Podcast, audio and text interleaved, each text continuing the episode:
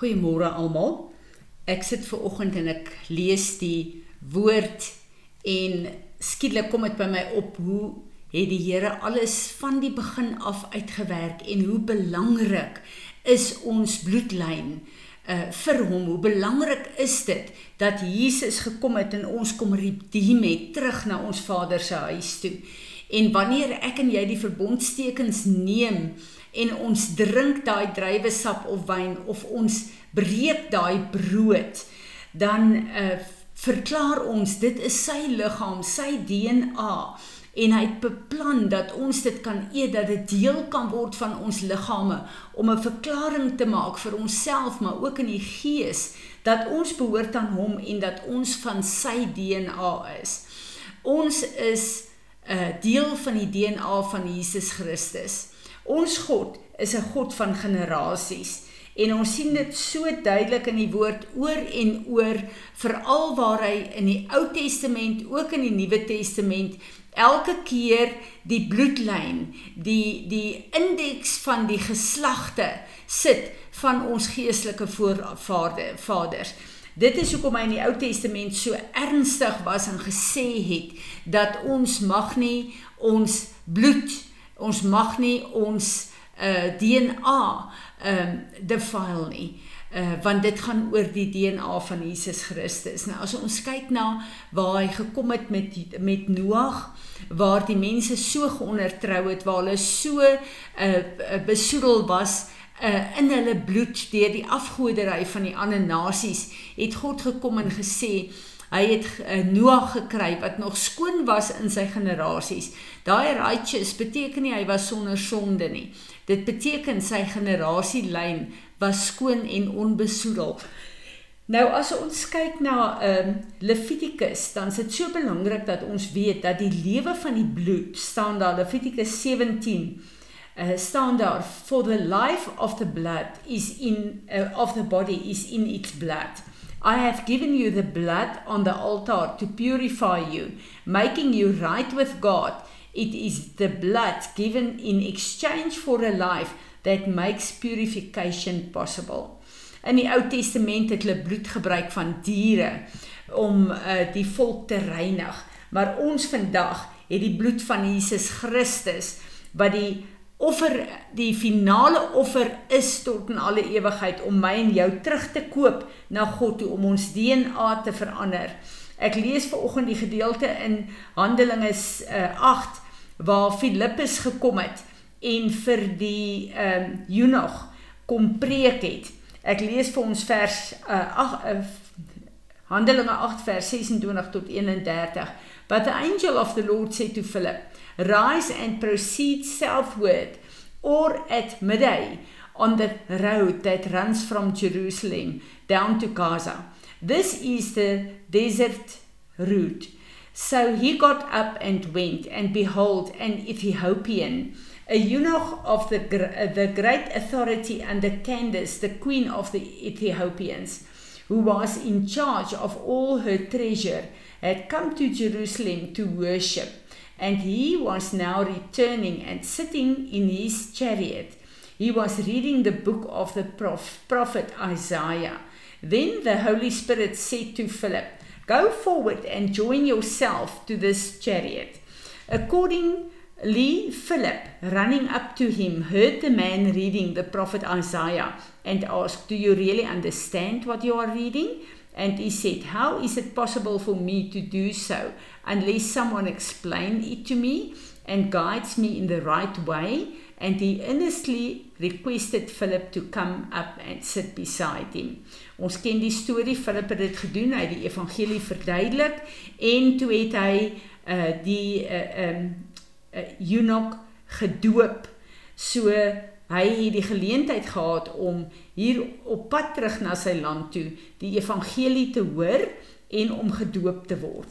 Nou wat vir my so wonderlik is is dat as jy gaan kyk na die internet en die geskiedenis en ek het die voorreg gehad om in Ethiopië in hulle museum te wees, dan sien jy dat koning Salomo en die koningin van Skeba het uh, twee kinders gehad Dit sien jy nie in die Bybel nie, jy sien dit in hulle museum. en uh, daar het 'n uh, uh, uh, die Jode 'n uh, 'n hele generasie geword tot vandag toe is daar nog 'n groot groep ehm um, Jode in Ethiopië wat jaarliks opgaan Jerusalem toe na die feeste toe.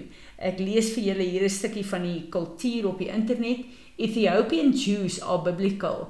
Pre-rabbinic Jews, they have the Torah written law, but not the Talmud, the oral law. Their language is not Hebrew, but Kehes.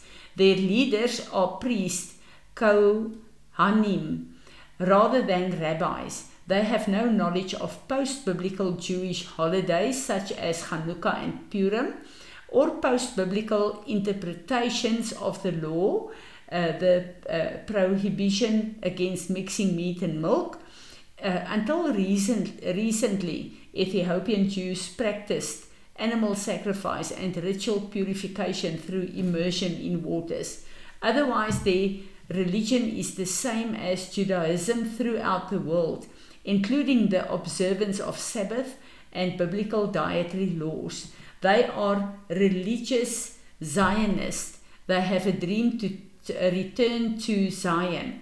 They call themselves Beta Israel, House of Israel, and had wanted to live in the modern state of Israel since its establishment in 1948.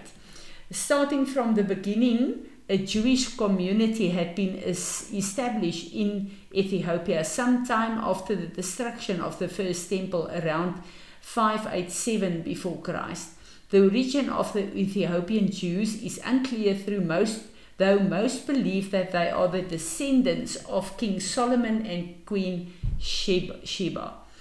Um vir my is dit net wonderlik dat die eerste kerk toe die evangelie begin versprei het en uh, uh kinders van die Here uh uh uh deur wedergeboorte gevorm word het God sy saad geëer en hy het vir Filippus gestuur na hierdie uh, Ethio man van Ethiopië toe. En uh want dit gaan hier oor die bloedlyn van Jesus. Onthou Salomo is die bloedlyn van Jesus en God is 'n God van generasies en daarom het hy die saad van Abraham en dan ook van Dawid geëer en hy die evangelie uh na na Ethiopië toe gestuur. En uh, dit is vir my so belangrik dat ek en jy sal verstaan dat die oomblik toe ons wedergebore word, het ons kinders van God geword. Romeine 8 vers 16 sê: "The Spirit himself wat ons ontvang met wedergeboorte, bears witness with our spirit that we are children of God." 2 Korintiërs 6 vers 18 en dis net 'n paar skrifte. And I will be a father to you and you shall be my sons and my daughters says the Lord Almighty. Die oomblik as ons wedergebore word, word ons kinders van God. Daai oomblik verander ons DNA want Jesus het die prys betaal vir ons om ons terug te koop vanuit ons verlede in die koninkryk van God in. En ek het hierdie afgelope tyd gepraat oor ons wat in geloof Jesus aanneem en daai daai uh, woord van geloof as jy kyk in die Grieks is 'n titelakte. Nou die mens is uit die aarde uitgeskape. Ons uh, God het vir Adam uit die aarde uitgeskape. So ek en jy is letterlik 'n grondgebied.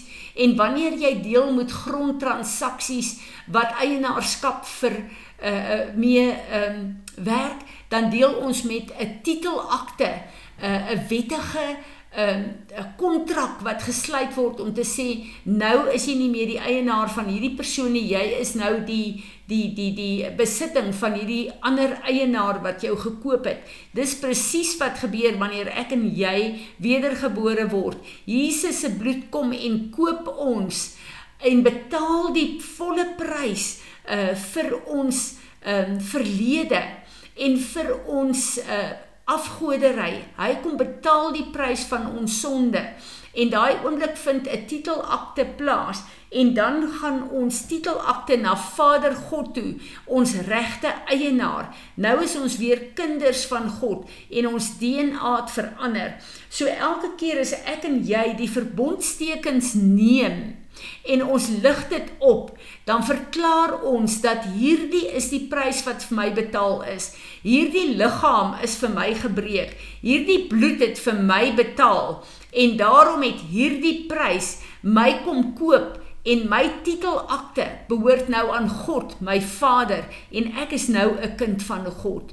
Hoe kosbaar is dit net nie om te weet dat God, dieselfde God van Abraham, Isak en Jakob, het die generasies laat deurkom tot by my en jou en op Golgotha het elke taal en elke volk en elke nasie wat Jesus aanneem reg oor die wêreld, dan verloor ons ons identiteit as Suid-Afrikaners, as Ethiopiërs en ons word dan deel van die koninkryk van ons God en ek en jy kry nou 'n nuwe 'n uh, 'n uh, identiteit, maar dan kom ons ook in die kultuur van ons nuwe ehm um, nasie en dit is die woord van God.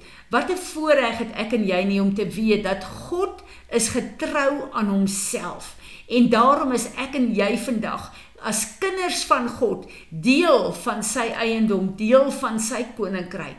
En ek bid dat hierdie waarheid opnuut vir my en jou, die kosbaarheid van die verbondstekens, die brood en die druiwesap sal verklaar en dat dit vir ons 'n groot uh, kosbaarheid en 'n waarde sal hê wanneer ons dit verklaar. Vader, ons wil vir U dankie sê. U is die God van Abraham, Isak en Jakob. U is ons God ons Vader deur die bloed van Jesus. En ons wil vandag net kom buig in afhanklike dankbaarheid en sê Here, ons is so dankbaar vir die kruis van Golgotha. Ons is so dankbaar vir die bloed van Jesus wat die volle prys vir ons betaal het tot in alle ewigheid. Help U ons asseblief om te lewe volgens die uh, waardes van die koninkryk van ons God. Maak van ons die getuies, Here, wat soos Filippus kan gaan en 'n wêreld wat verlore is, kan vertel van hierdie God wat ons kom red het en dat ons lewens ook sal getuig van die volheid van Jesus Christus, ons Heer en ons Meester.